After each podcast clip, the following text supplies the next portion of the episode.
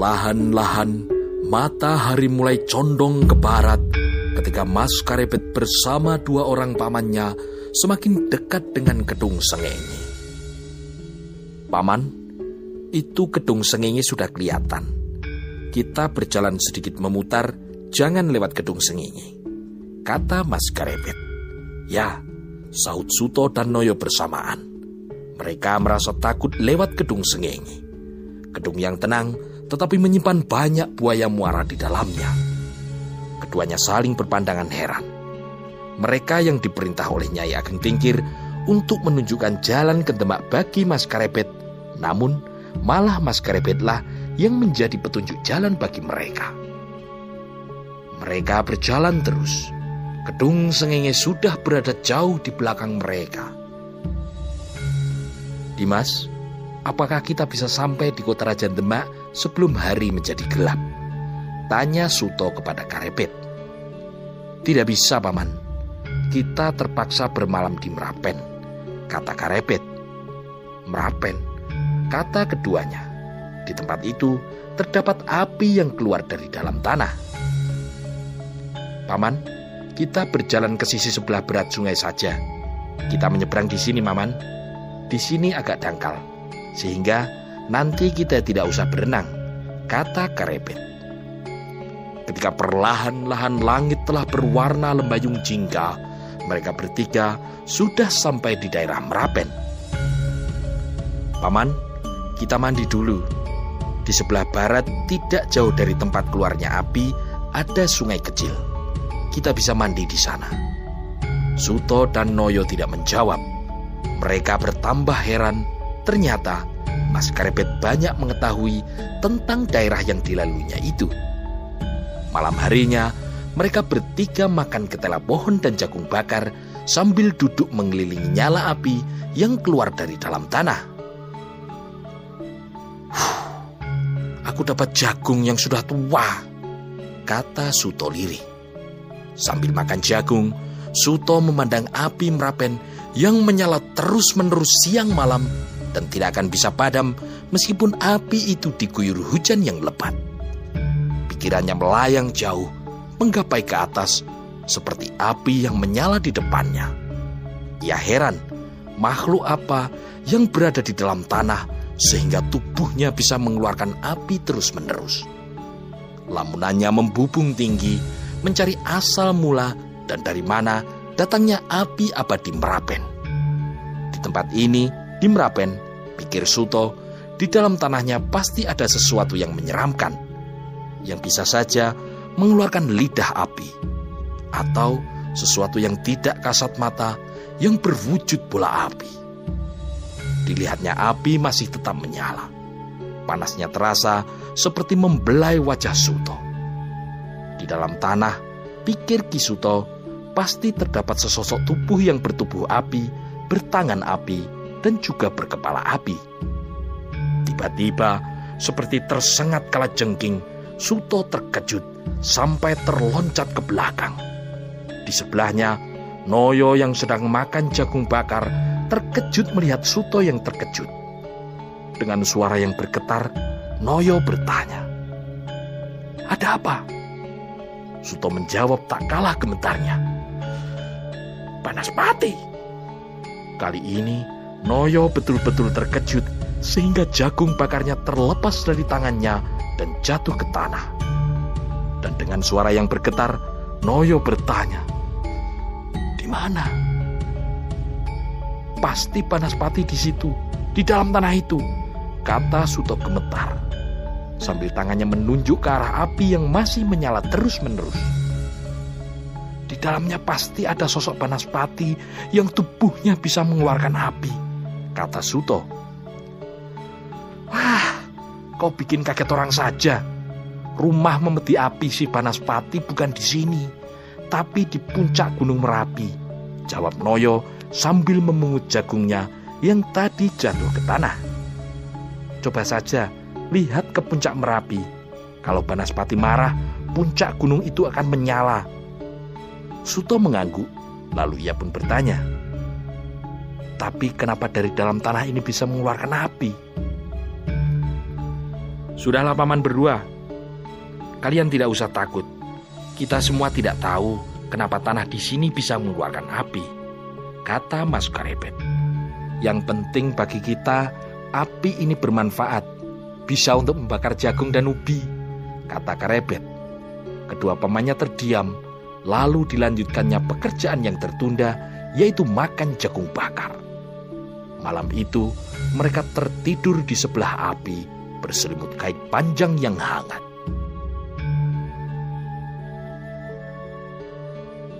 Fajar telah merekah di ufuk timur.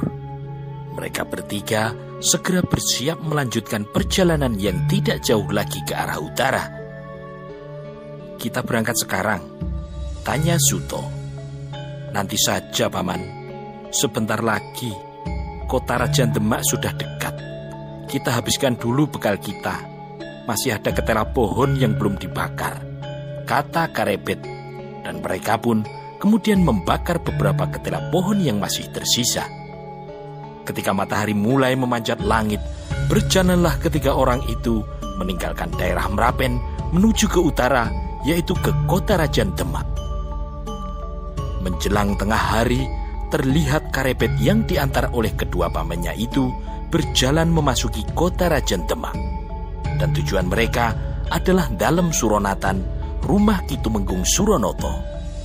Sementara itu, adik dari Nyai Ageng Tingkir yang bernama Ki Ganjur saat itu sedang bekerja di halaman rumah dalam Suronatan.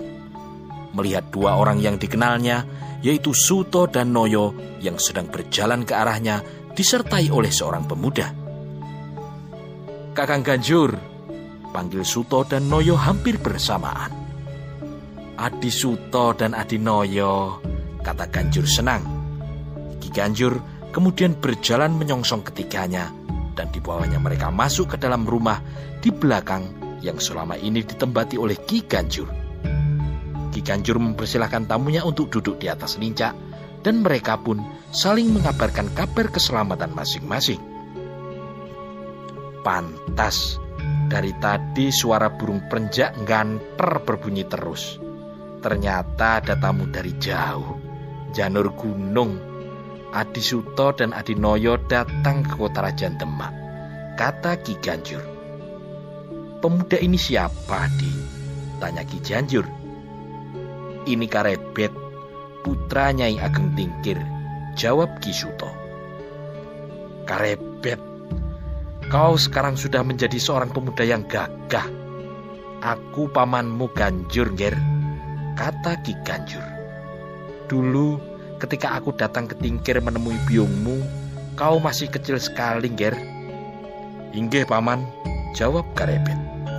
Ki Ganjur berkata kepada Suto dan Noyo. Lalu ada keperluan apakah Adi Suto dan Adinoyo ke Demak? Tanya Ki Ganjur. Kami diutus Nyai Ageng Tingkir untuk mengantar Mas Karebet menemui Kakang Ganjur. Jawab Ki Suto. Lalu, apa keperluanmu Karebet? Paman Ganjur, saya ingin mengabdikan diri pada Kanjeng Sultan Trenggono sebagai abdi dalam. Kalau nanti ada pendadaran prajurit, saya ingin ikut pendadaran sebagai prajurit Wirotamtomo. Jawab Karebet. Karebet, kalau melihat bentuk tubuhmu, kau pantas menjadi prajurit Wirotamtomo, Ger. Jawab Ki Ganjur. Lalu, besok saya harus menghadap siapa, Paman? Nanti biar aku yang mengantarmu menemui Tumenggung Suronoto, Ger. Tapi Kemarin Tumenggung baru saja berangkat pergi ke Pati bersama dua orang prajurit. Berapa lama Ki Tumenggung Suronoto pergi ke Pati, Paman? Tanya Karebet. Sekitar empat pasar, Ger. Dua puluh hari. Dua puluh hari? Lama sekali. Pikir Karebet. Selama menanti Tumenggung Suronoto pulang dari Pati, kau membantu paman membersihkan dalam suronatan dulu, Ger. Sedangkan Adi Suto dan Adi Noyo biar menginap di Demak dulu beberapa hari. Terima kasih, Kakang. Tetapi kami besok pagi terpaksa mohon diri. Kami akan kembali lagi ke desa Tingkir. kenapa tergesa-gesa, Di? Padi gogo yang di ladang sudah waktunya dipanen, Kakang, kata Noyo. Baiklah, kalian beristirahatlah di sini. Aku tinggal ke depan dulu. Aku akan menyelesaikan pekerjaanku tadi yang belum selesai, kata Ki Ganjur. Baik, Kakang. Ki Ganjur lalu berjalan meninggalkan mereka bertiga dan kembali meneruskan pekerjaannya. Esoknya, di pagi hari, Suto dan Noyo berpamitan kepada Ki Ganjur. Mereka akan beranjak pulang lagi ke desa Tingkir. Kami mohon diri dulu, Kakang. Paman, hati-hati di jalan. Kalau nanti paman menyeberangi sungai, lewat jalan yang kemarin saja. Jangan menyeberang kedung sengenge, kata Karebet. Ya, terima kasih paman. Paman telah bersedia mengantarku ke Demak, kata Karebet. Aku hanya bisa nyangoni selamat tadi, kata Ki Ganjur. Setelah bersalaman, Suto dan Noyo berjalan keluar dari dalam Suronatan. Berjalan melalui jalan semula menuju ke desa Tingkir di kaki Gunung Merbabu. Tinggallah Ki Ganjur dan Karebet di halaman dalam Suronatan. Karebet, tolong bantu paman memindahkan beberapa tanaman dari halaman belakang ke halaman depan, kata Ki Ganjur. Baik paman, sehari itu Karebet membantu pamannya bekerja di halaman dalam Suronatan. Esok harinya, Ki Ganjur berkata kepada Mas Karebet, Karebet, hari ini kau ikut membantu paman membersihkan masjid. Baik paman, kata Karebet. Lalu keduanya berjalan menuju masjid yang letaknya tidak jauh dari dalam Suronatan. Hari itu, Ki Ganjur membersihkan masjid dibantu oleh keponakannya itu. Menjelang waktu asyar, terlihat beberapa prajurit Wirotamtomo memasuki halaman masjid. Paman, ada dua orang prajurit Wirotamtomo berada di pintu gerbang. Lalu ada dua juga yang ada di halaman depan. Ada masalah apa, Paman? Tanya Karepet kepada pamannya. Sebentar lagi Kanjeng Sultan Trenggono akan melaksanakan sholat asar di masjid. Nanti kalau Kanjeng Sultan lewat di depan kita, semua harus berjongkok. Kepala harus ditundukkan. Kau harus melihat ke bawah, jangan melihat ke arah Kanjeng Sultan. Kata pamannya. Baik paman. Tidak lama kemudian, lewat pintu masuk sebelah utara, masuklah seorang yang berbadan tegap, berusia setengah abad, berpakaian layaknya seorang raja, diapit oleh dua orang tumenggung. Itulah penguasa Kesultanan Demak Bintoro, yaitu Sultan Trenggono, putra dari Sultan Demak Bintoro, Raden Fatah. Sultan Trenggono menjadi Sultan Demak ketiga menggantikan kakaknya, Adipati Unus, yang lebih dikenal dengan nama Pangeran Sabranglor. Di belakang Sultan terdapat seorang prajurit yang membawa songsong. Payung kerajaan berwarna kuning emas, lalu diikuti oleh beberapa prajurit pengawal raja dari kesatuan Wiro Tamtomo. Semua orang yang berada di halaman masjid segera berjongkok ketika melihat Kanjeng Sultan Trenggono berjalan menuju masjid. Sultan Trenggono berjalan perlahan, melewati kolam tempat wudhu, lalu naik masjid diikuti oleh kedua tumenggung dan beberapa prajurit Biro Tamtomo. Dengan ekor matanya, dari jauh Mas Karepet melirik melihat dengan jelas ketika Sultan Trenggono berjalan mulai dari masuk pintu masjid melewati kolam tempat wudhu sampai Kanjeng Sultan memasuki masjid. Kanjeng Sultan Trenggono adalah seorang yang gagah, mumpuni dalam olah kanuragan maupun olah kajiwan. Kapan aku bisa jadi pengawal Kanjeng Sultan? Aku harus berusaha untuk bisa masuk lingkungan keraton, kata Karepet dalam hatinya.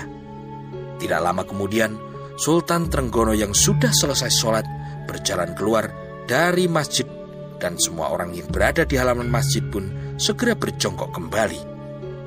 Malam harinya, Mas Karepet tidak dapat memejamkan matanya. Pikirannya melayang-layang mengembara berputar-putar. Keinginannya gayo kamu teng di keraton Demak. Saat itu, Joko Karepet belum mendapat kesempatan untuk menghadap Tumenggung Suronoto karena saat ini Tumenggung Suronoto sedang berada di Pati. Aku harus menunggu kedatangan Tumenggung Suronoto setelah 20 hari. Terlalu lama. Malam semakin larut. Dari jauh terdengar suara kentongan yang dipukul dengan irama darah mulut. Darah mulut. Sudah tengah malam, kata Karepet. Pikirannya saat itu tertuju pada tahta Kesultanan Demak bagaimana dia bisa masuk ke dalam lingkungan keraton Demak. Sultan Trenggono adalah orang yang pinunjul dalam ilmu Joyo Kawijayan Guno Kasantikan. Mumpuni berbagai ilmu lahir maupun batin. Juga mempunyai berbagai aji dalam dirinya. Tiba-tiba Karepet bangkit dari tidurnya, duduk di amben, dan terlihat di bibirnya tersungging sebuah senyuman.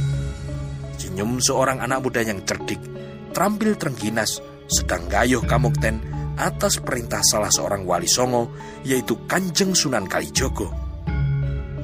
Mudah-mudahan kalimat sang wali yang waskito itu bisa menjadi kenyataan, katanya dalam hati.